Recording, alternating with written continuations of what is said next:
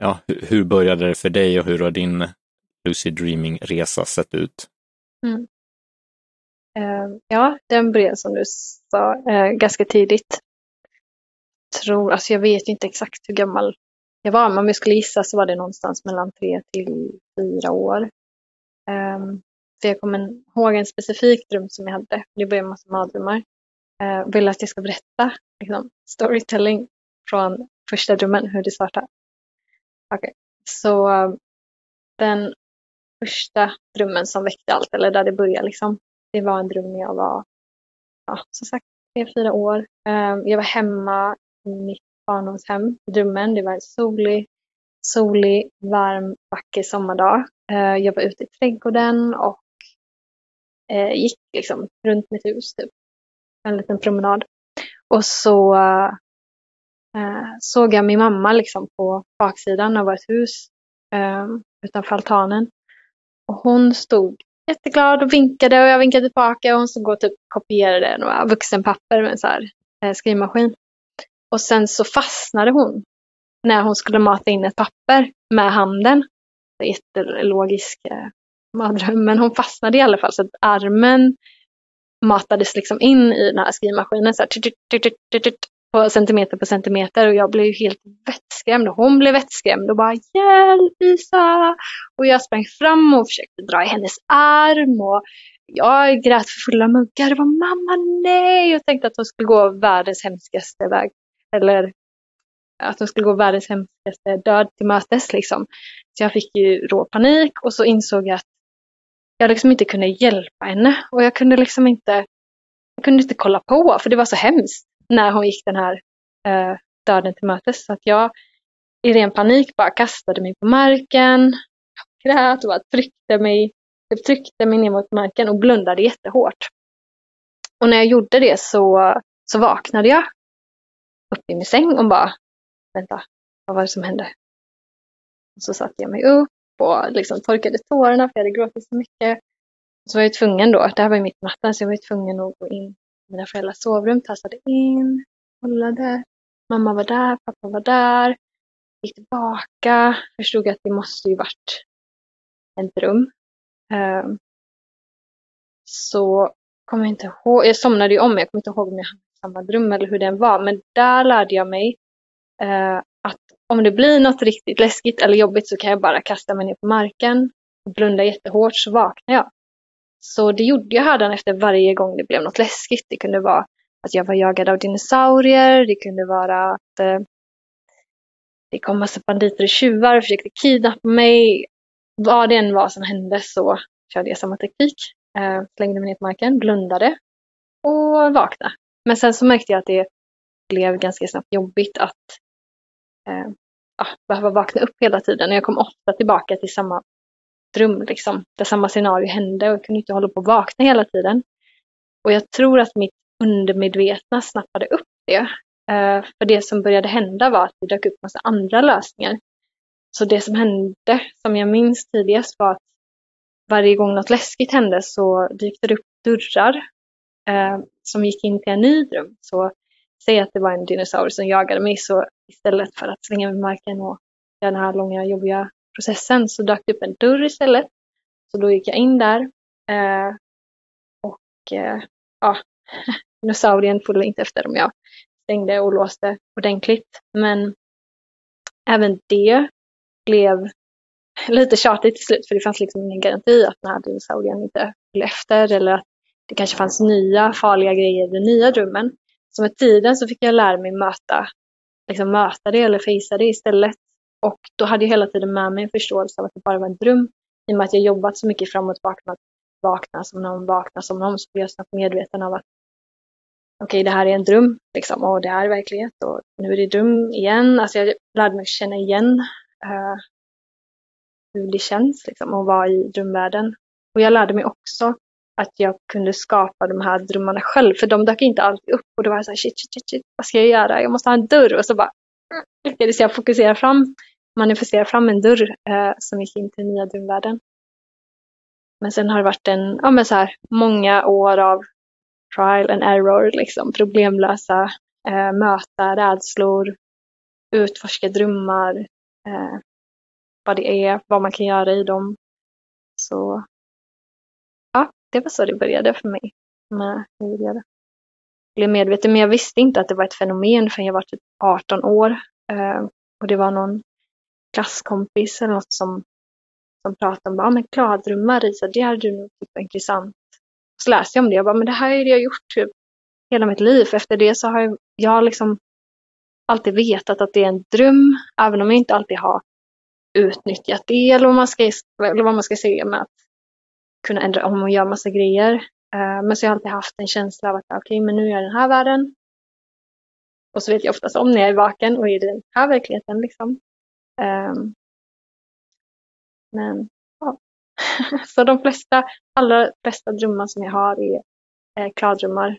Och många, men inte alla, är liksom jäkligt episka och bara vandrar sig till fåglar, och flyger iväg eller dyka ner i havet eller space ut i rymden. Alltså utforska och leka och bara se vad man kan göra. Men med det sagt så är inte alla mina drömmar så. De flesta är bara att jag liksom hänger på och ja, är där.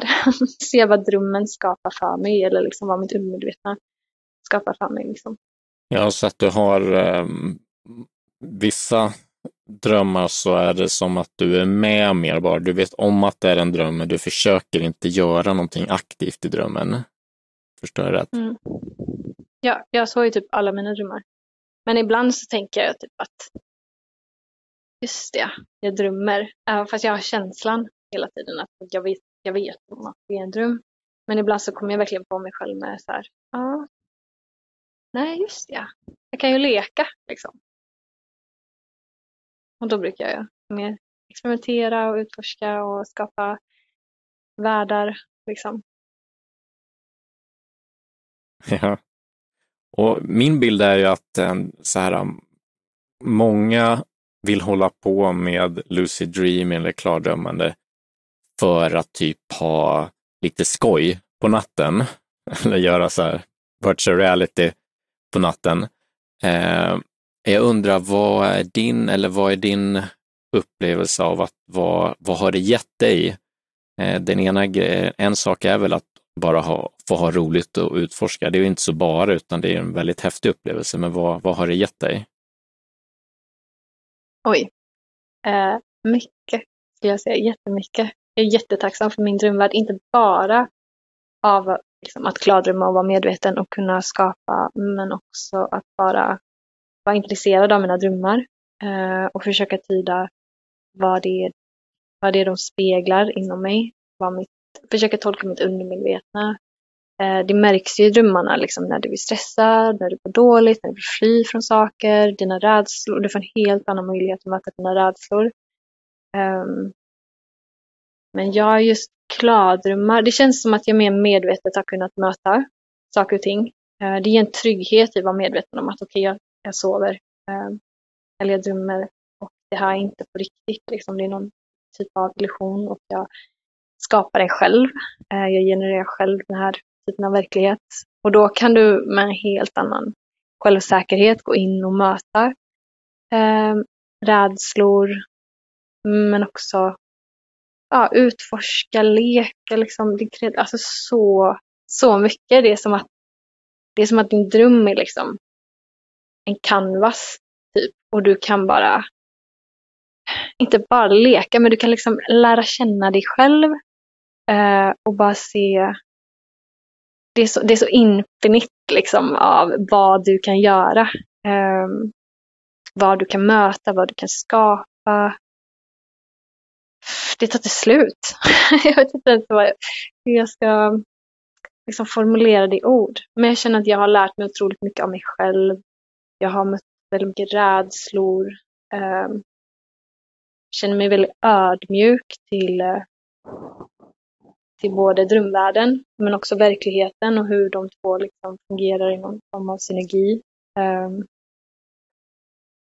ja. Mm. Hur och hur eh, har det, har det påverkat dig? Det är svårt att se, se men så här, du möter rädslor på natten då. Eh, har du eh, har du några tankar om hur det kan ha, kan påverka, ha påverkat din eh, vardagsdröm eller vad du kallar ditt eh, vardagsliv. Mm. När du inte så, ligger på natten och sover. Ja, men precis. Det var som vi pratat om lite innan också, att så här, ja, men verkligheten är ju också som en dröm. Eh, och det beror ju på lite vad man har för synsätt på livet eller så. Men jag ser också, eller så som jag ser det, så är det också att vi på något sätt genererar vår egen verklighet när vi vaknar. Eh, och det har väl fått mig att känna ja, men en ännu större trygghet i att bara kunna möta saker som man tycker är läskigt eller obehagligt, eller gå utanför sin comfort zone. Det ger liksom en extra boost av att okej, okay, men någonstans är det här också bara en dröm. Um, och det är inte, det är väldigt stor skillnad mellan när vi vaknar och när vi sover, men det är också väldigt mycket likheter. Så jag tror för mig har det väl varit alltså någon, någon form av så här, um, självsäkerhet eller trygghetskänsla. Um, av att bara våga möta saker. Alltså en oräddhet typ, överlag. Alltså en så här djup, jag, har ju, jag kan göra massa grejer som jag såklart är rädd för både i min drömvärld och i min verklighet. Som jag, för alla har, har ju rädslor liksom. Men ändå på något sätt skulle jag säga en känsla av oräddhet och djupet. Liksom. Jag vet inte hur jag ska beskriva det bättre än så. Är det några så här äh, lärdomar som du gjort i dina drömresor som så sticker ut för dig eller som du minns äh, extra tydligt? Du har ju pratat om det här när du mött dina rädslor vid upprepade tillfällen som jag förstår, men är det? Säkert jättemycket. Eller jag känner att det, det finns så mycket visdom, det finns så mycket att lära Eh, i drömvärlden många gånger liksom när man vaknar, och det, det här behöver inte vara klardrömmar, nu pratar jag bara om drömmar generellt, liksom. men jag älskar att, att skriva ner mina drömmar, speciellt om jag känner att det är något som har varit liksom, en djup dröm eller något som jag känner att så här, wow, det här är um, det är någonting liksom, med drömmen så tycker jag om att skriva ner och reflektera och av att göra det så kan jag ofta känna att så här, wow, vad mycket det här ger mig. Att, Oj, här är, jag har liksom inte riktigt lyssnat på mig själv eller jag har inte sett det här i mitt liv innan. Eh, och nu så kommer min drömvärld istället, eller undermedvetna, och pusha på att så här, men Isa, det är ju så här du mår. Eller att eh, den här personen i din drömvärld kanske speglas som något helt annat. Och bara, oj, är det så jag verkligen känner? Och sen bara inse att shit, ja det är så jag känner. Um, alltså bara, du vet, så, det finns så mycket som man kan, alltså speglingar. Eh, för drömvärlden är ju liksom inte, den behöver inte gå igenom massa trög materia, den kan ju spegla saker direkt liksom, så känner du att du har en boss på jobbet typ som är um, ja, men som stressar dig liksom, så kanske han dyker upp som en krokodil eller häxa. Alltså han kan ju ta vilken form som helst i din dröm och sen bara att du förstår att okej, okay, men den här, alltså att du lär dig tolka symbolik eh, och förstå vad, alltså det, folk tror att det är svårt typ att tolka drömmar. Eh, och bara, vad betyder det? Jag ska gå till en drömtydare. Men det bara, nej, nej, nej, nej. drömtydare vet inte nödvändigtvis mer vad du vet. Alltså, du vet ju mest om dig själv, vad det är du känner för alla de här olika grejerna. Och liksom, det, det är bara att ställa dig själv frågor typ, hela tiden. Att, okej, okay, men vad kände du inför den här karaktären? Det behöver inte vara, åh, en fjäril. Det står i den här boken att det betyder transformation. Okej, okay, men vad betyder fjärilar för dig? Du kanske är skiträdd för fjärilar. Liksom. Och vad det kanske betyder, alltså ha en helt annan mening beroende på också din egen historia och vad du själv har varit med om i livet. Eller om man ska säga, varg kan betyda helt olika saker för eh, olika personer. Också så här, vad gör vargen? Eh, vargen kopplat, är det du som är vargen? Eh, är den kopplad till någon person? Liksom, vad är sammanhanget? Så ja, jag tycker alla borde vara sina egna drömtydare och bara skriva ner sina drömmar, ställa frågor, Eh, vara nyfikna på sig själva och bara lära sig mer om sig själv. Liksom. Nu kommer jag inte ihåg vad frågan var. Men... men jag kommer att tänka på, just du sa det med att skriva ner, eh, det finns ju sådana här eh, lite olika tips man brukar ge eller som man kan ge, som i alla fall jag läst och sådär, så för att bli både minna sina drömmar där för det första, sen, och sen bli klar i andra hand då, men så, så skriva ner dem brukar vara ett tips för att överhuvudtaget börja rikta fokus på att eh, eh, på sina drömmar då, som du sa. Har, mm. Vad är dina då har jag videos om det också så vi kan ju rekommendera dem. Nej, jag... Dina mm. tips kring eh, både, ja. För att eh, skapa en klar dröm eller bli medveten. Ja, jo, jag tror att det alltså jag tror verkligen steg nummer ett börjar just där med att så här, um, ge sina drömmar uppmärksamhet och värde oavsett om man är medveten om dem eller inte. Och jag tycker att bästa sättet att göra det är att skriva ner sina drömmar. Uh, tycker man inte om att skriva ner så kan man också spela in med ett ljudinspelare eller sin telefon eller någonting. Men att börja liksom um, men anmärka på dem och så här, okej vänta lite. Och det kan vara jättelite för jättemånga känner att de inte kommer ihåg sina drömmar. Men ändå så händer det lite då och då att man bara oj, jag drömde någonting. Och det var någonting med, med liksom en vas. Eller det var någonting med den här platsen. Och så bara, ja, men skriv ner det. Alltså du behöver inte komma ihåg hela drömmen. Men det kommer att växa. Alltså ditt minne kommer växa. Eh, för att du gör det viktigt. För det är så många som är liksom programmerade att bara drömma drömmar och så vaknar de upp hastigt av sin väckarklocka och så tänker de på jobb. Att de bara släpper det så snabbt för att hjärnan prioriterar inte att det skulle vara något viktigt eller något intressant. Liksom. Uh, och det tror jag är en stor anledning till att många inte kommer ihåg. Och jag känner själv att jag är i en hektisk fas när det händer väldigt mycket i mitt liv och jag kanske inte skrivit ner mina drömmar eller ens tänkt på dem eller, eller pratat om dem. Då liksom, det blir mindre, det blir liksom uh, oviktigt typ, för hjärnan och nervsystemet och allting. Men ja, börja lägga eh, värde på dem, skapa intresse, skriva ner, försöka tyda vad de betyder. Och där kan du också börja hitta olika tecken, typ om du drömmer om någonting. Eh, ganska ofta, det kan vara ett scenario, det kan vara en person, det kan vara något som du bara drömmer om i drömvärlden. Och då kan du också göra dig medveten om att okej, okay, men det här är ett sign på att jag antagligen drömmer. Och då kan du börja intala dig själv att nästa gång det här händer så ska jag kanske en reality check som det kallas och räkna mina händer. Eller jag ska fråga mig själv om jag drömmer. Eller jag ska, alltså att du kommer på någonting som du ska göra för att liksom väcka din medvetenhet. Uh, och sådana grejer tror jag är jättebra att just ha, ja, bara börja um, observera och studera sina drömmar. Vill du ha mer tips? jag kommer att tänka också det här när man eh, väl vaknar till i, när man väl blir klar i en dröm, så brukar det för mm. många vara att de blir eh, så till sig, det har hänt mig själv i alla fall och jag har läst de andra, att de vaknar till som vaknar upp eller att de bara är bara klara någon sekund och sen så är de lurade igen efter. Finns det någonting man kan göra där för att dels inte vakna och eller åt andra hållet inte bli eh, vad heter, glömma bort att man drömmer direkt igen? Ja, alltså det allra vanligaste som jag har hört från folk som jag känner, från vänner och folk på Youtube är att de säger att ja, jag, blir, jag kommer få att jag rymmer och så blir jag så jäkla exalterad så att jag vaknar. Liksom. Det andra har jag inte hört lika mycket, att man, men det är säkert många som upplever det också, att du tar en liten stund och sen så, eh, så glömmer du bort det liksom, eller blir distraherad. Är det, i, I vilket fall så tror jag att båda två kan vara bra att ha en grej att så här, okej, okay, när jag blir, att du har som en grej som du typ säger till dig själv att när jag blir medveten i min dröm så ska jag göra det här. Alltså du, att man också typ vänjer sig vid tanken av att det är naturligt och inte att det skulle vara någon så här, vissa blir skiträdda att de ska uppleva något läskigt eller att de ska hamna i sömnparalys eller vad det än kan vara. Men att liksom ha en inställning av att säga okej, okay, när jag blir medveten i min dröm, för jag kommer bli medveten i min dröm, så ska jag prova att flyga eller jag ska prova att eh, gå och hälsa på den här människan. Alltså att, att ditt sinne fortfarande har ett intresse av att vara kvar i drömmen.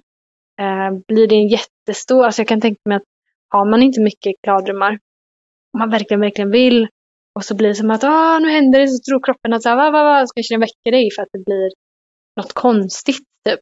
Eh, men jag tror bara det är så här, alltså på det igen och igen och igen och råkar du vakna så bara Försök hitta sätt att få dig att somna om igen och så kanske du ökar chansen att bli medveten eh, i drömmen. För det är ofta, ganska ofta man kommer tillbaka till liknande scenario. Och då skulle det kunna vara ett igenkänningstecken att ah, okej, okay, nu är jag tillbaka i det här rummet igen från att jag vaknade. Eh, just det, jag drömmer, jag har elva, händer, elva händer, elva fingrar eller vad det än kan vara. Och bara kanske försöka hitta något naturligt eller bara något som är i rummet. Att okej, okay, men jag ska hitta närmaste dörren och så ska jag gå igenom den. Eller jag ska prova att gå igenom väggen. Alltså ha ett intresse av att stanna kvar i drömmen. Det kanske de flesta har, men jag har, jag har egentligen ingen aning vad som skulle vara svaret på problemet av varför man vaknar. Men jag tror att det blir någon sorts, eh, inte chock, men att det blir så wow, att kroppen bara, oj, nu är det något konstigt som händer. Vakna liksom. Eh, att så här, på det igen och försöka hitta, skapa någon story för dig själv vad du ska göra eller vad du ska se eller Mm. Ja, men jag tycker det låter jättesmart. Eh, eh, för jag, jag, tror det är min, eh, eller min egen upplevelse i alla fall, just att jag blir sådär, eh, sådär eller har blivit så i alla fall någon gång, att jag blir typ glad, väldigt glad. Och, så, och då så nu måste jag göra allt så på fem sekunder, flyga och liksom, och vid något tillfälle då har jag vaknat till. Men om jag, som du sa, om, om jag skulle ha när jag blir klar, då ska jag eh, göra det här, liksom en sak och fokusera på det. Eh, tror jag skulle vara en, en, bra grej för att inte eh, tappa fotfästet, eller man ska säga. Eh, jag kommer att tänka på, jag kollade på Netflix igår och såg en eh, komiker, ståuppare som heter Bill Burr. Han pratade om att han eh, hade varit med någon, ja, jag vet inte vad det var, han hade varit med några kompisar och tagit svamp. Och han sa att han hade legat i sängen där och eh, känt att eh, han eh, kände sig ensam och vad det nu var. Och inte eh, älskad. Och eh, Även fast hans fru låg bredvid sig och även fast han försökte tänka på sina barn och tänkte vad är det här för konstigt? Och sen så insåg han att eh, ja, men det är ju så här jag har känt hela min uppväxt, insåg han. Det är så här hela, mitt, eh, hela min uppväxt har varit. Och eh, det bara påminde mig om när du sa att i våra drömmar så kan vi ju få den typen av upplevelse, både komma nå insikter om oss själva. Det finns ju Freud som har sagt, eh, den här psykologen, att eh, dreams are the royal road to the unconscious. Ehm, men också eh, tänka på att det på vissa sätt kan likna psykedeliska upplevelser att vara klar i drömmar. Ehm, jag vet inte vad, vad du får för tankar med, med den här berättelsen. Mm. Ja, alltså jag tycker alltid det är kul att träffa folk som har tagit psykedeliska grejer. För att de kan oftast relatera till min drömvärld. för jag känner att det är så ofta, eh, alltså det, Vad ska man säga? det kan bli liksom väldigt ofysiskt, i alla fall i mina drömmar. Och jag antar att det kan vara det för många människor också. Eh, men bara väldigt, både starka drömmar, eh, sandrummar men också bara väldigt trippigt överlag. Att alla sinnen typ mergar liksom eller flyter ihop. Nu har jag haft senaste åren eh, väldigt mycket drömmar där jag eh, kommer in i ett stadie och jag typ vet om, det är väldigt så här lucid stadie. Där jag känner att jag typ nästan bara, det är som att sjunga och skapa musik samtidigt och det känns bara som att jag släpper ut typ någon form av kraft eller någon form av ofta så börjar det med att jag typ sjunger någon ton. Och sen så är det bara det är så mycket musik och ljud och toner som eh, bara strömmar ut ur mig. Och då känns det ofta, då är jag oftast inte en karaktär, utan då känner jag mig bara som en kvinnlig energi. Ofta så bara svävar jag upp typ mot molnen och det blir så här jätte... Alltså det går inte ens att förklara. Men personer som har tagit mycket substanser brukar kunna relatera när jag försöker förklara det hur det känns och hur det upplevs. Um, jag tycker det är jätteintressant att höra personer som har tagit, jag själv har inte tagit ayahuasca, men jag tycker det är jätteintressant att lyssna på folks upplevelser.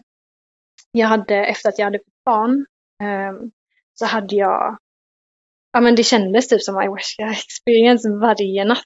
Um, för det kändes verkligen som att det var så mycket DMT i min, i min kropp.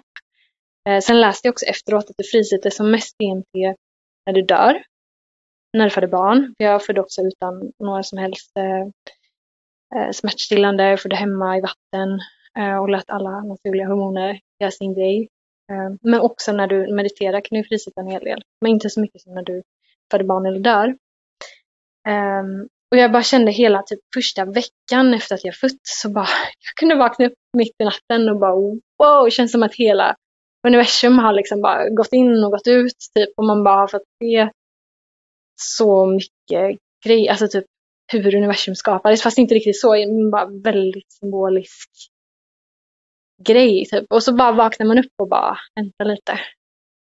Jag vet inte om jag ska skratta eller gråta liksom. Jag, här ligger jag liksom och är människa och andas och vad var det som precis hände liksom? Alltså riktigt så här typ stark både uppvaknande känsla men också som att man bara gått igenom världens resa som är nästan tidslös. Alltså folk som har tagit ayahuasca kan oftast eh, relatera eller andas psykedeliska det också. Eh, och då, då så gjorde jag lite research och liksom googlade på hur det var just med barnafödande. Eh, och då läste jag någonstans att man frisätter otroligt mycket. Men det känner jag också hela, hela veckan efteråt. Eh, och jag känner mig väldigt känslig för DMT är ju något som vi producerar naturligt i vår tallkottkörtel. Eh, och det har jag känt under ganska mycket liksom under mitt liv i perioder. Att jag, det känns som att jag haft väldigt mycket DMT och när jag mediterat och när jag sov, sovit liksom, och då blir drömmarna ännu mer vivid. Liksom, Vi kan ju säga, eller man kan bara, bara för de som inte vet att DMT är ju, står för dimetyltryptamin och det är så här, det finns naturligt i kroppen, det finns i alla möjliga plantor och det finns också i den aktiva substansen eller en av två i, i den här psykedeliska brygden ayahuasca som du refererar till. Så människor som tagit ayahuasca har trippiga eller ja, den typen av upplevelser som du beskrev att du fått av barnafödande.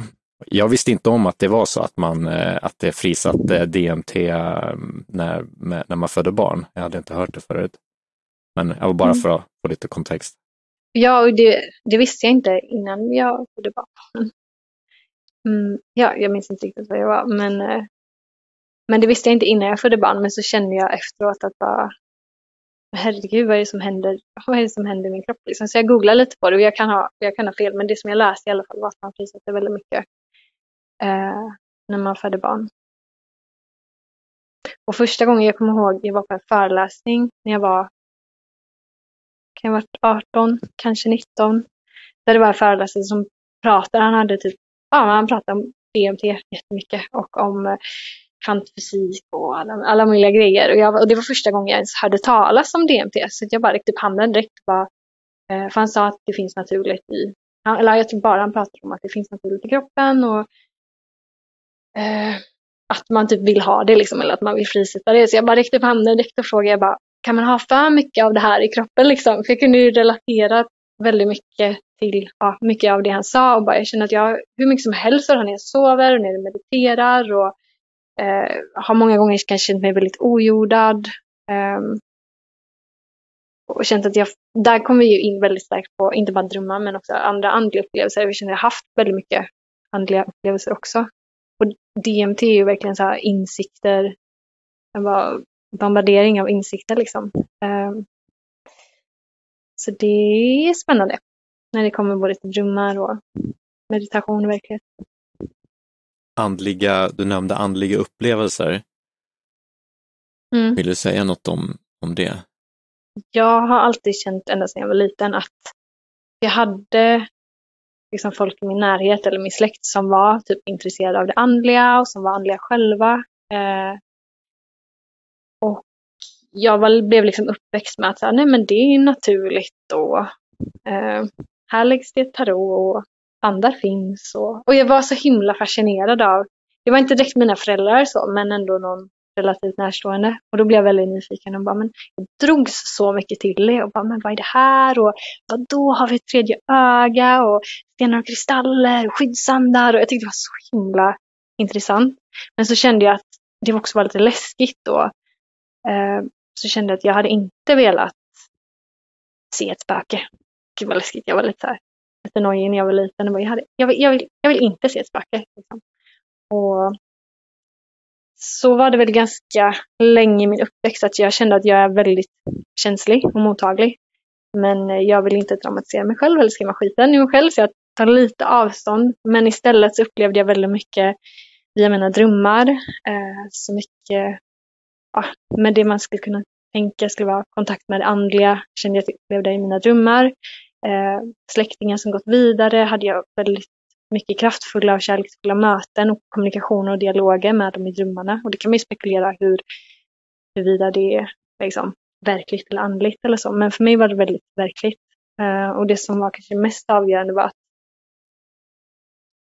jag hade väldigt mycket sanddrömmar eh, också bara så intuition, typ av att vi hade under min eh, skolgång så hade jag väldigt många fröknar som vi hade i klassen som blev gravida, eller som hade i klassen under flera eh, olika, vad ska man säga, ja, lågstadiet, mellanstadiet, gymnasiet och så vidare. Och jag kände alltid intuitivt så fort som typ var, någon var gravid så kände jag det. Liksom. Hon, hon är gravid.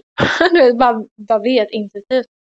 Eh, och sen visade det sig kanske några veckor senare att de berättade eh, återigen sandrummar, att jag hade drömt att det här kommer att hända en person, men också, och det är inte bara som att oj, jag drömde det hände, utan oftast var det en speciell känsla i mina drömmar av att ja, men det är någonting, typ ett budskap eller det här är, jag försöker säga något eller visa något om framtiden eller, här, eller bara en instinkt av att ja, men det här är på väg att hända.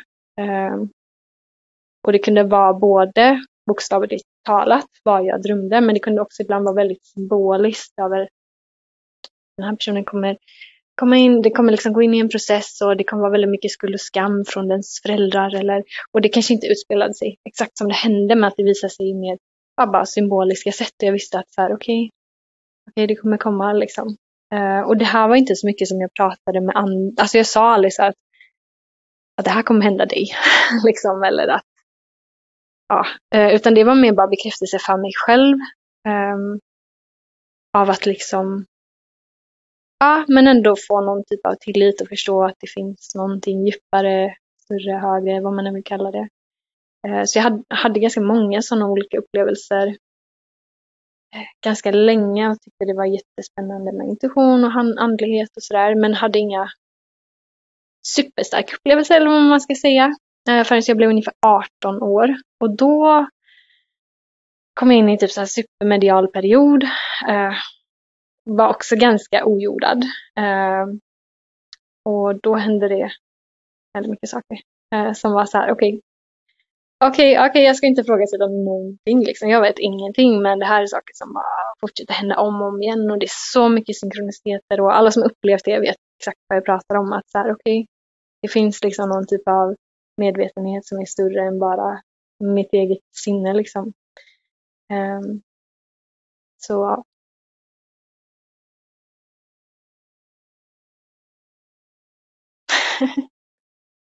Men om, vill du säga någonting mer om, om eller vad, vad var det, vad syftar du, eller vad?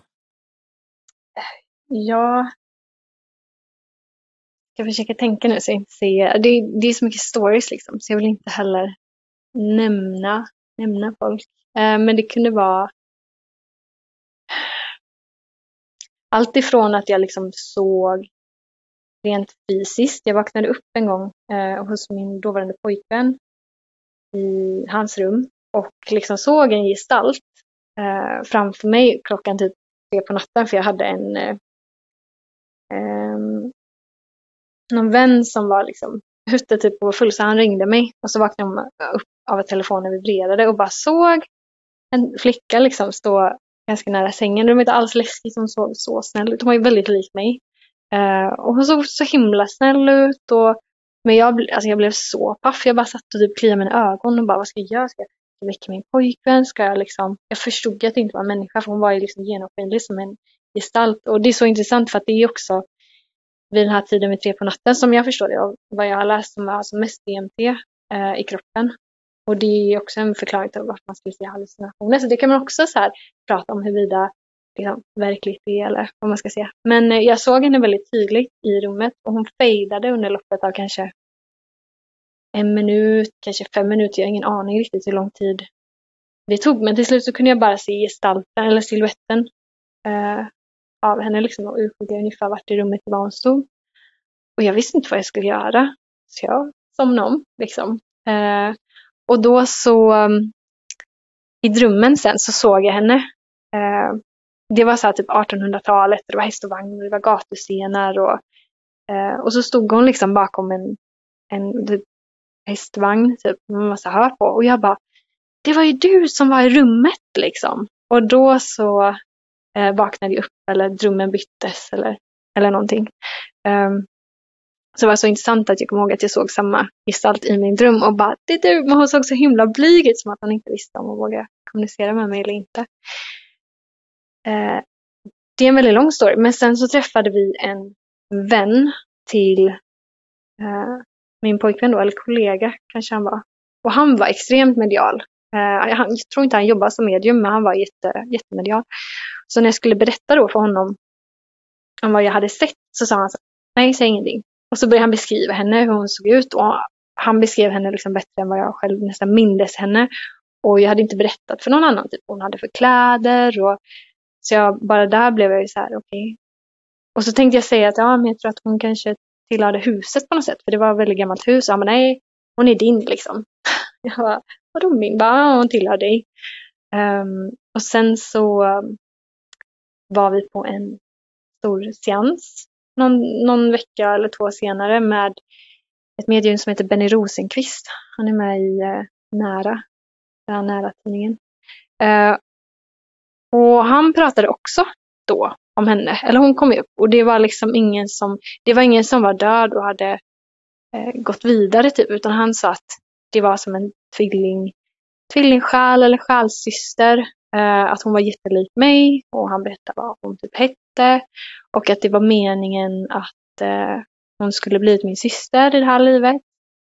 Men att det inte hände.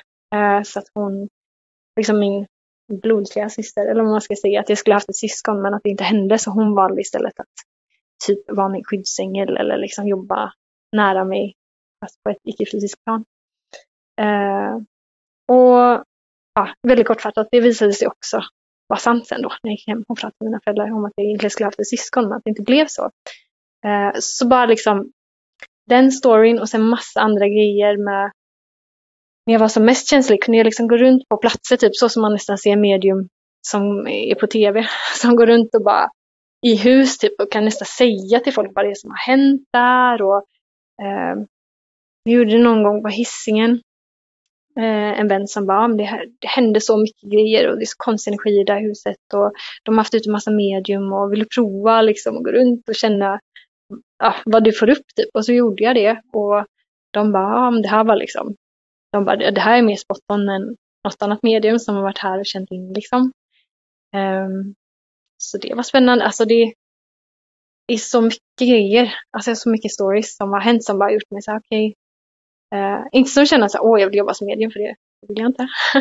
Men eh, så mycket bekräftelse bara på det som man har upplevt och känt in.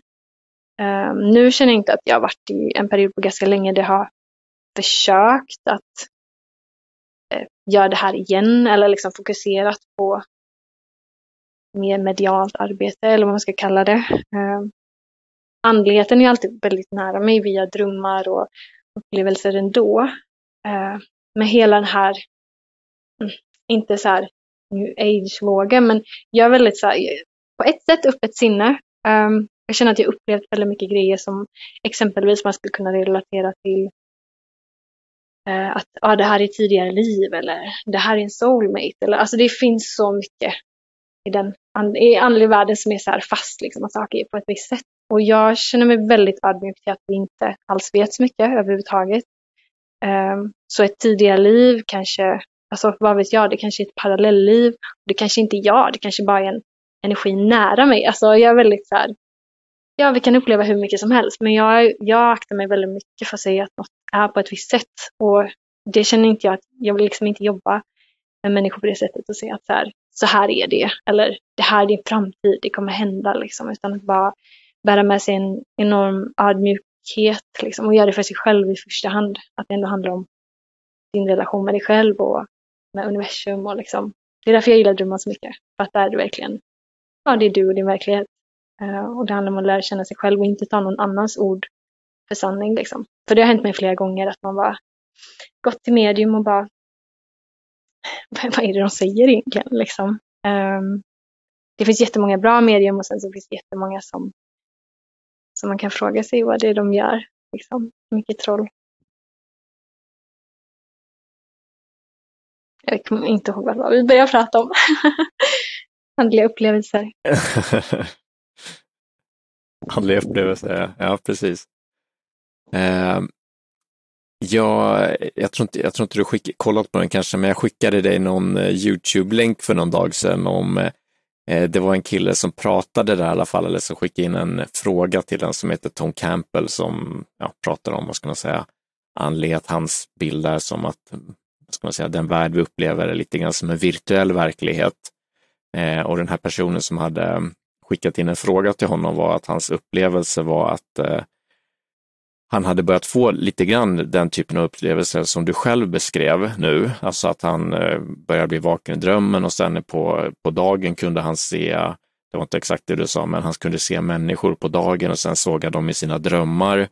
Och sen såg han någon i drömmen och sen såg han en i och så och så över tid hade han kommit fram till ungefär att hans egen bild var att drömtillståndet och det vardagliga tillståndet är bara som två tillstånd ungefär, eller som två drömmar ungefär, och att de um, Ja, och han var omvälvad eh, av det ungefär. Eh, var bara nyfiken på vad, vad din egen upplevelse är. Alltså jag tror att drömvärlden och den här verkligheten, som jag sa förut, de är olika. Alltså för det, det är, när man lär sig liksom urskilja det så är det ganska lätt att så här, okej, okay, nu är jag vaken. Eller så. Det är ganska sällan vi kanske frågar oss att så här, oj, vänta, sover jag just nu? Drömmer jag liksom? För det är väldigt mycket som gör det. Eller för min del i alla fall tydligt att så här, nej, men det här är det vi kallar verklighet liksom. Samtidigt så känner jag att de är, de är så lika och desto mer du utforskar drömvärlden eh, desto mer kan också så här, men oj, liksom, det här är ju också en dröm. Jag kan göra lite samma saker. Nej, jag har inte lyckats kunna förvandla mig till en fågel och flyga i den här verkligheten ännu. Men jag ska inte säga att det inte går. Men eh, just det här med typ hur man manifesterar och genererar och skapar. Det känner jag, alltså det kan hända så lätt i en dröm att man bara okej, okay, jag vill förvandla mig till fågel, jag gör det. Eller jag vill skapa det här. Eh, och jag känner att i den här verkligheten så kanske ja, men min erfarenhet var förut att jag tänkte att ja, men det tar mycket längre tid. Du kan manifestera och skapa det allra mesta Men att det tar jättelång tid. Men ibland så har jag också erfarenheter av att det går så snabbt liksom, med en tanke eller med en synkronisering. Att det bara vissa moment som blir så klara eller så lucid liksom när jag är vaken så man bara känner wow liksom. Oj, vad det här är en dröm. Oj, vad Alltså vad är, att nästan bli så lite skrämmande att behöva vänta lite. Verkligheten är inte alls det som jag tror att den är. Och nu menar jag inte liksom att man är på psykedeliska eller rätt så, utan att du bara är helt klarvaken och upplever så mycket synkroniciteter eller så mycket magi och så mycket som man bara wow. Um, det kan man också diskutera hur mycket man är mentalt sjuk eller galen eller liksom vad, vad det skulle kunna vara. Men eh, jag känner att det händer ja, mer och mer att eh, jag känner att det är väldigt likt en dröm och att mm, alltså det går att gå in hur mycket som helst eh, där också med att man kan manifestera saker eh, väldigt, väldigt snabbt. Men det är så skillnad, alltså generellt. Det tror jag de flesta håller med om, att det är väldigt konkret här. Det är väldigt fysiskt. Eh, det behöver inte betyda att det känns mer verkligt, för jag upplever väldigt ofta att drömmarna är mer verkliga, alltså mer så kristallklara. Känslorna är ännu mer, färgerna är alltså allt är ännu mer i drömvärlden. Ibland, ibland är det precis tvärtom, att allt bara är suddigt och det är jobbigt att prata och gå och du vet allting. Um, men ja, klardrömma och så kan man klarleva. Som vi pratade om en gång. Ja. Ja, men det är en jättebra lead in till, eh, ja, så du har varit inne på det lite grann, men vad, vad, vad menar du när du säger klarleva? Klardrömma har vi ju att det är ju att man vet om att man, att man är i en dröm på natten ungefär eh, och är mer medveten. Och vad, men vad är klarleva? klarleva. Jag tycker om att tänka, det, tänka på det som att okay, vi tror att vi är medvetna om att vi lever.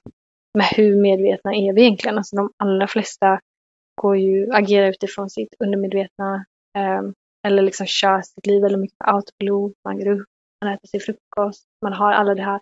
Man är programmerad av samhället, du programmerar ditt eget sinne, du skapar stories för dig själv.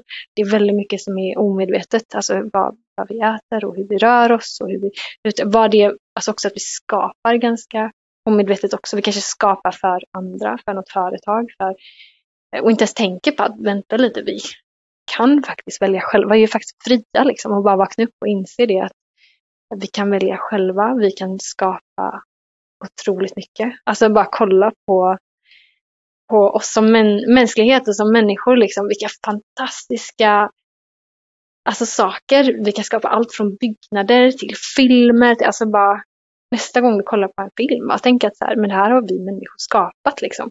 Och också att vi är, jag brukar tänka att det är ganska, på ett sätt så kan vi vara väldigt lika djur. På ett sätt är vi ganska olika i och med att vi har, eh, vi har händer. Alltså vi är typ formade till att skapa, att leka, eh, att ta hand om, sköta om. Men framförallt att bara vi kan skapa musik med våra händer. Vi kan skapa dataprogram, vi kan skapa, vi kan skapa liksom världar, världar i världar i världar.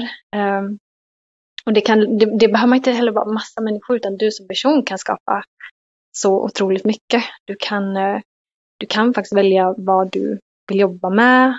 Du kan välja hur ditt liv ska se ut. Basically, du är inget offer. Att bara, och jag tror att vi, de flesta av oss går runt med någon form av offermentalitet oavsett om vi är medvetna om det eller inte. Och vi har så mycket rädslor som vi kanske inte har mött.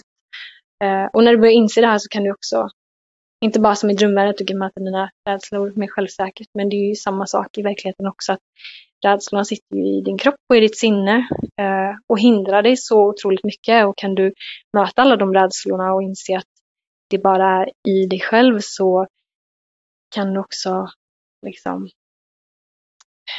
vad ska man säga, gå över dina egna gränser eller dina beliefs. Alltså, ja, utforska dig själv vad du kan skapa och hur du vill leva.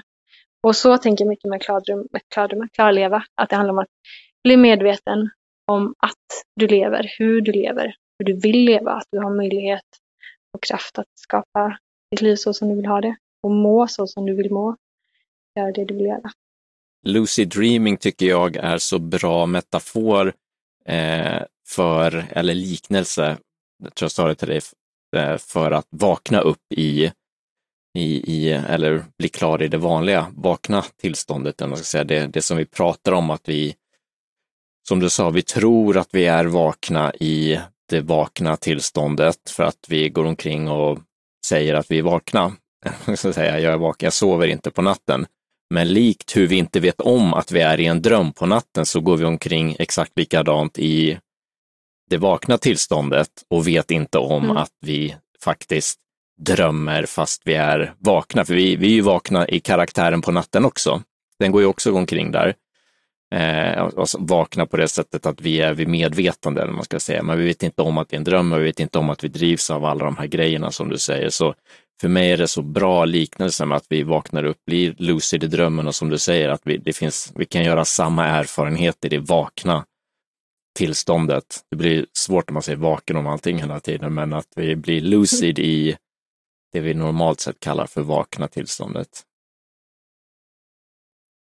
Och det har varit min erfarenhet också, att det, det är så, så det som har hänt för mig.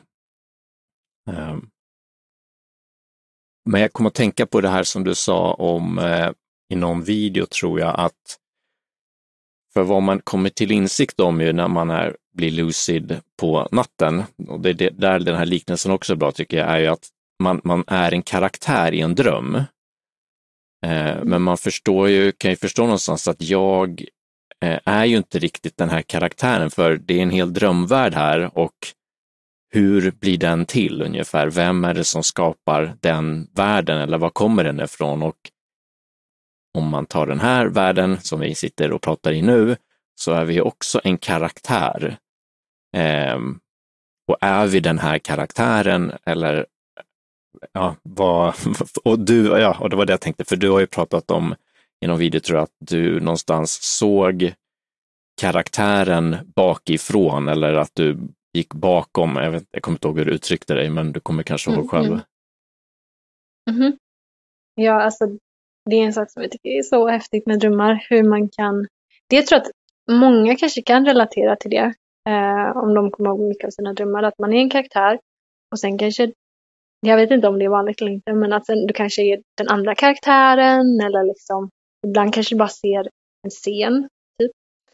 Um, och jag har alla möjliga konstiga erfarenheter av det här med karaktärer. Liksom att ena stunden kan jag vara en, nästa stund kan jag vara den andra karaktären, men helt plötsligt, det som jag tycker är så himla häftigt, som jag är så fascinerad av varje gång det händer, det är att jag ibland kan nästan typ zooma ut, inte bara som att jag ser det som en film, men att jag kan typ känna hur jag, mitt undermedvetna, skapar storyn, liksom väver storyn av vad det är som kommer hända. Att jag typ vet att ja, nu, nu kommer det här hända. Och jag kan typ känna, för det här är inget som jag kan förklara rent hur det ser ut. Syn, för det är inte, så, det är inte liksom visuellt, utan det är känslan i det. Som är att, okej, okay, jag känner den här karaktären som jag ser, eh, som kanske är, som kanske blir jagad liksom. Och så kan jag känna den här det här djuret eller monstret eller vad, vad det än kan vara som, som jagar eh, säger vi, att det är någon form av situation. Och jag vet vad det är som kommer hända. Alltså den här känslan när du är barn och du leker med leksaker och du har liksom två dockor. Och du typ improviserar i stunden. Men du vet, du har också en känsla av att vi kommer snart komma dit, men vi är inte där än. Liksom. Så du, är, du kanske är två karaktärer, du kanske har fem karaktärer som du leker med. Och det kan vara en ganska brutal story. Eller det kan vara, för det är ofta så man leker, att det är någon typ av konflikt eller att det är liksom eh, det är någon form av situation. Eh, och att jag typ kan zooma ut och bara observera mig själv, mitt undermedvetna, medan jag typ skapar storyn. Och jag ser det inte visuellt, men jag kan känna det som ett litet barn som sitter och typ leker med dockor liksom och kommer upp med sin story. Så det känns som att jag bara zoomar ut och bara bevittnar ah, liksom storyn och mig själv. Eller mitt undermedvetna eller barnet i mig eller vad det nu är som väver den här storyn och bara wow. Jag är inte bara i drömmen utan jag kan också uppleva att jag skapar drömmen och bara observera kreatören eller storytellern eller vad, vad man än vill kalla det liksom. Jag tycker det är så himla coolt när det händer. Uh, och jag vet inte om jag pratat med någon som har upplevt samma sak. Jag tror kanske någon på min YouTube-kanal kommenterade, för jag berättade det en gång i en av mina YouTube-videos och då tror jag någon kommenterade att de upplevt eh, liknande. Men det är jag så himla fascinerad av. Också känslan av att bli hela drömmen, att du inte är någon karaktär överhuvudtaget. Liksom, att du bara, och då blir det lite så här DMT-trippigt, liksom att du bara totalt mergar. Du kan bli ljus, du kan bli toner, du kan bli musik, du kan liksom bara uppleva typ som syner eller former eller liksom att sinnena bara mergar för att vi är ju så programmerade eller liksom när vi är vakna så är det väldigt tydliga liksom att vi ser det här. Vi känner den här doften, vi känner den här känslan. Eh, vårt nervsystem upplever saker på ett visst sätt liksom, men sinnena kan ju faktiskt också merga liksom en, en doft kan bli en färg som kan bli en känsla som kan bli och det är också väldigt häftigt. Eh, på tal om liksom något annat att bli hela drömmen och inte ens behöva identifiera dig med en karaktär eller människa. Och det är i, eh, i drömtillståndet då, eller, eller är det någonting som har hänt för dig ja. i, i, i vaket tillstånd också? Ja, alltså li jo, men alltså i meditation eh, så kan jag komma till det stadiet också. Speciellt när man ligger lite på gränsen mellan verklighet eller ja, att man sover eller att man är vaken. Att du är liksom inte, du, du identifierar dig inte med någonting. Du blir nästan rummet.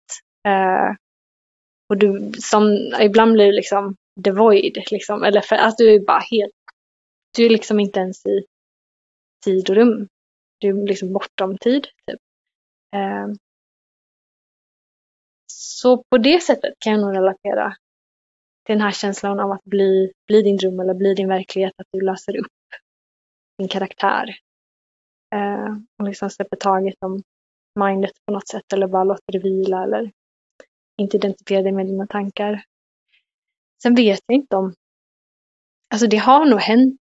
Alltså jag tror ibland, alltså känslan är kanske så här, den verkligen är en jättestark känsla oavsett om det är sorg eller lycka eller jag har nog känt det ibland när det blir så himla starkt att det känns som att man inte bara är kroppen utan man är allt. Liksom. Eller att man är situationen, händelsen eller eh, så jag vet för mm, ja, men så här många, många år sedan när jag hade min häst Valentino och vi kunde vara ute och liksom bara galoppera jättefort ute på vägen och jag bara kunde släppa alla tyglar och sträcka händerna ut åt sidorna och bara typ merga med honom, liksom med min häst. Då kändes det också som att man är mer, alltså du ger din upplevelse.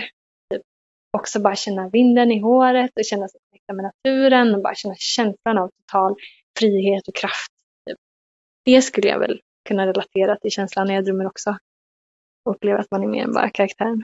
Och, och din upplevelse, eller, vad, eller vad, vad, vad tänker du vad tänker du om det? Eller vad är din, så här, vad är, vad, vad är, vem är du då? Ja, det är ju djupa frågor som jag inte vet. Nu finns något riktigt svar och jag tror inte jag kan påstå att jag har något svar kring det. Eh, men jag tror absolut att det är så mycket större. Och jag menar, visst, liksom vår hjärna sitter här och våra ögon och vi upplever allting från men, alltså det, är, det är de här filosofiska frågorna man kommer tillbaka till hela tiden. Liksom. Vem är jag? Eh, för många, mig själv och många liksom, som jag känner på min resa och sånt, eh, där är många överens om att du inte är liksom, du är inte din karaktär, du är inte din personlighet, du är inte dina tankar, du är liksom inte dina känslor.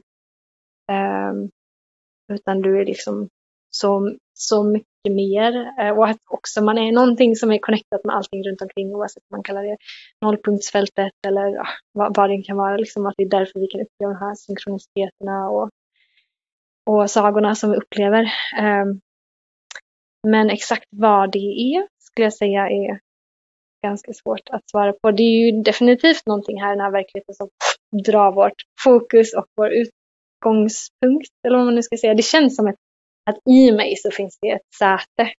I mig eller bortom mig finns det ett säte där det sitter en observatör. Och den här observatören kanske är connectad till mm, en observatör som kanske finns i alla. Alltså, det går ju att filosofera och spekulera om det hur mycket som helst och det, det är väldigt intressant. Men det är också ett rabbit hole. uh, men jag, älskar att djupdyka i sådana frågor också. Vad är vi egentligen? Jag är jätteintresserad av alkemi och där pratar man också mycket om om uh, de tre principerna kallar man det. Och det är sinnet, och det är kroppen och det är själen.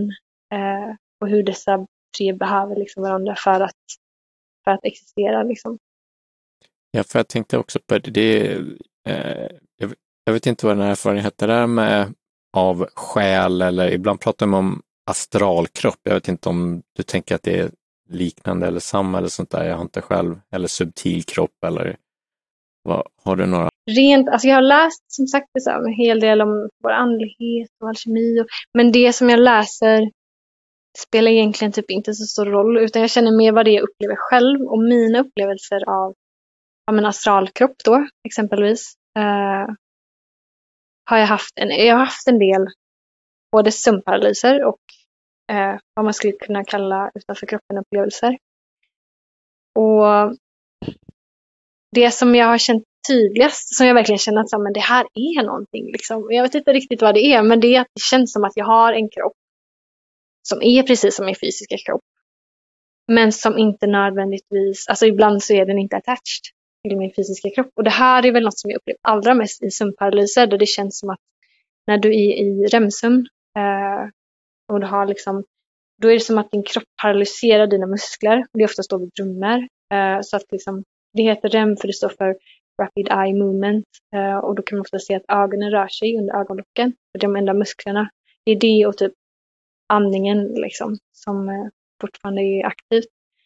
Eh, eller aktiv, kroppen är aktiv i sig, men du kan liksom inte röra på dina muskler. Och sömnparalys är ju när du vaknar upp under det tillståndet eh, och känner att du inte kan röra kroppen.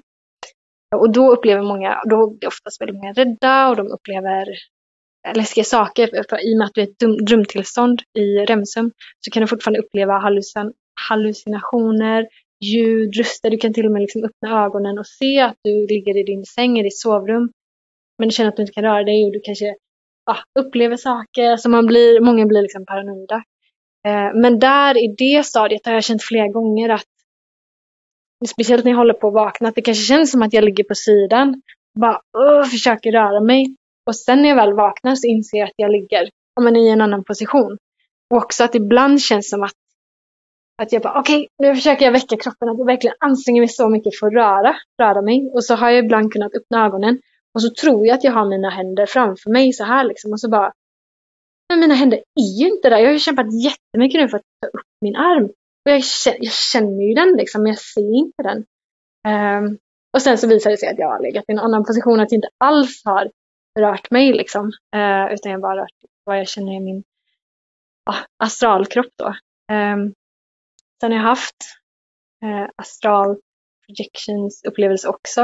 Uh, som är att när jag har varit i sympalys-tillståndet så har jag känt hur jag typ kan ja, men nästan typ pluppa ut eller liksom hoppa ut ur min kropp. Eh, men varje gång jag, för, det känns som att jag har någon form av typ tråd eller något som så här trycker mig tillbaka. Och desto mer jag försöker eh, hoppa ut, eh, desto mer börjar det surra och bli liksom och så när jag känner att jag är nästan ute så är det så himla intensivt. Alltså det är nästan läskigt, känns som man ska dö för vissa, inte alla. Eh, men som att det är någonting som bara håller den tillbaka. Men så när jag väl kommer ur kroppen så är det som bara Alltså en jätterelief och jag bara wow, allt blir så lätt och så ljust. Och vissa upplever när det här händer så upplever de att de fortfarande är i rummet eh, och kan liksom typ se sin kropp och att de går ner för trappan och att de nästan kan gå runt som ett litet spöke liksom. Eh, och jag upplever oftast när jag håller på och försöker komma ut i kroppen, det har inte hänt jättemånga gånger men ett, ett par liksom, eh, då känner jag att jag är i rummet men så fort jag kommer ut, då känns det som att jag är i någon helt annan realm där jag typ första gången det hände så var det som att jag bara wow, okej, okay, eh, nu, är jag, nu är jag helt ute i min kropp. Jag var shit, jag var som, ja men det var ganska ljust liksom, jag var i en annan realm och så tänkte jag, jag kan inte bara lämna min kropp där, tänk om den är tom nu liksom. Och så bara gick jag tillbaka och bara, ja men jag, jag tänker att du är skyddad. så här, lite paranoitanke, att inte, du ska inte hoppa i någon Eh, det är ingen som kommer att ta min kropp liksom, medan jag är inte där. För det var min känsla, inte logiskt sagt att det var så. Men då tänkte jag, okej okay, men nu, nu, kör, nu kör jag liksom. Men det var svårt för jag kände varje gång jag tänkte en tanke så var det som att jag drogs tillbaka till min kropp. Eh, men jag kommer ihåg att jag bara, men hur tar jag mig fram? Typ försökte simma liksom. eh, och bara, ja men det här funkar nog. Och typ tänka en känsla eller på en person.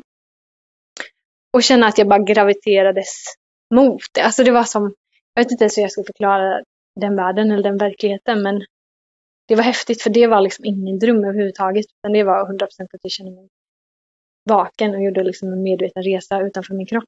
Eh, men det var också väldigt, väldigt, väldigt kort. Så jag kan tänka mig att ibland kanske folk också blandar ihop det här med lus. Alltså jag märker att utanför kroppen-upplevelser eller astraldrömmar astralupplevelser och lucid dreaming är väldigt ihopblandat och folk inte riktigt vet vad som är vad. Och jag kan väl inte riktigt svara på vad som är vad, men jag kan säga att för mig är det oftast ganska stor skillnad på de två, men ibland så kan de merga väldigt mycket i och med att det oftast är ett tillstånd mellan vakenhet och sömn när det händer. Eh, men som sagt, det var ganska kort och så kände jag att desto mer tankar jag fick, desto mer drogs jag tillbaka till kroppen och helt plötsligt så bara blupp, var jag i kroppen igen. Och det var häftigt. Det låter som att du, eller mitt intryck är att du tyckte att det var spännande. Ja, det var första gången det hände, så alltså det var så fascinerande. Jag var helt till mig sen jag vaknade. Eller vaknade, ja, vad man nu ska kalla det. Om man skulle vilja hålla på med det här, vi, vi touchade ju vid, vid, vid det lite grann, inte, inte out of body experiences kanske, men, men eh, bli, bli mer klar i drömmen vad, vad kan vi ge för, eh, för start, start eh, tips? Mm. Okej, okay, tillbaka till tipsen. Så förutom då att skaffa en drömjournal um, och skriva ner dina drömmar oavsett om de är klara eller inte. När du, när du vaknar så kanske bara en känsla, liksom någonting. Skriv. Och har du drömt jättemycket, skriv inte ner hela drömmen. För då kommer du typ glömma av det medan du börjar så här, jag var här och träffade den här personen. Skriv nyckelord. Liksom. Skriv så här, på den här platsen, den här känslan, just det, den här symbolen. Och när du skriver nyckelorden så kommer du antagligen komma på fler nyckelord. Så bara skriv ner allting som kommer upp Och sen kan du sen, när du har nyckelorden, då kan du börja minnas och skriva ner detaljer och själva storyn. Liksom. Eh, så brukar jag oftast göra. Så det är en grej. Eh, och sen brukar jag också säga till folk som verkligen vill klardrömma att om det går, försök att inte ha väckarklocka. Ehm, för det kanske kan vara svårt att inte ha det, men man kanske kan antingen bara snosa väldigt mycket, ha något väldigt, väldigt lugnt att vakna upp till. Men har det så här dring och du bara går från en dröm till bara klarvaken så är det liksom, alltså då är det inte konstigt att man släpper, att man släpper drömmen. Så jag försöker säga att folk ska vakna så långsamt du bara kan. Försök att lägga kvar i drömmen, försök gå in i drömmen igen. Och liksom, ja, innan du är där att du börjar skriva nyckelord så bara ligg kvar i känslan och försök upprepa saker och komma ihåg. Försök att komma ihåg det du nyss drömde om, vad det var. Eh, och bara stanna i det läget så mycket som möjligt. Så ja, ett tips då, bara pay attention till dina drömmar. Skriv ner så mycket du kan, vakna långsamt. Men också ja, men föra, en, föra en drömjournal. Men skriv också i den innan du somnar. Typ skriv så här, i natt så vill jag drömma om det här. Um, du kan till och med skapa alltså dagdröm, dagdröm både på dagen men framförallt på kvällen innan du ska sova. Och skriv liksom, jag vill drömma om det här. Uh, jag, ska bli, jag ska bli medveten om min dröm, eller om att jag drömmer i det här scenariot eller på det här sättet. Jag ska räkna mina fingrar eller ja, liksom kom på för dig själv eh, olika olika sätt. Det finns hur många sätt som helst om du googlar och söker eh, på how to lose a dream, liksom, eller hur man klarar det. Men så finns det massa så här, metoder som man använder sig rent vetenskapligt i studier och allting. Och jag har själv aldrig riktigt använt mig av en metod. Men eh, eh det finns massa olika som du kan liksom researcha och se vad som passar bäst för dig. Um, och skriv ner det eller säg det till dig själv innan du somnar att ska använda mig av den här metoden eller det här sättet. Jag tror att det allra bästa är att komma på, innan du ens kanske researchar hur man, hur man ska klardrömma, drömmar, kom på ditt sätt. Liksom, använd din kreativitet och fantasi, använd din problemlösning. Fråga dig själv, hur ska jag bli medveten i natt när jag drömmer? Mm. För då, då börjar ditt undermedvetna säga, ah, bli medveten när jag drömmer. Kanske så här. Och då kanske den också upprepar det medan du sover, liksom, eller chansen ökar. Eh, också brukar jag säga till folk att ja, men fråga dig själv. Drömmer jag? Sover jag? Är det här en dröm? Liksom, även medan du är vaken.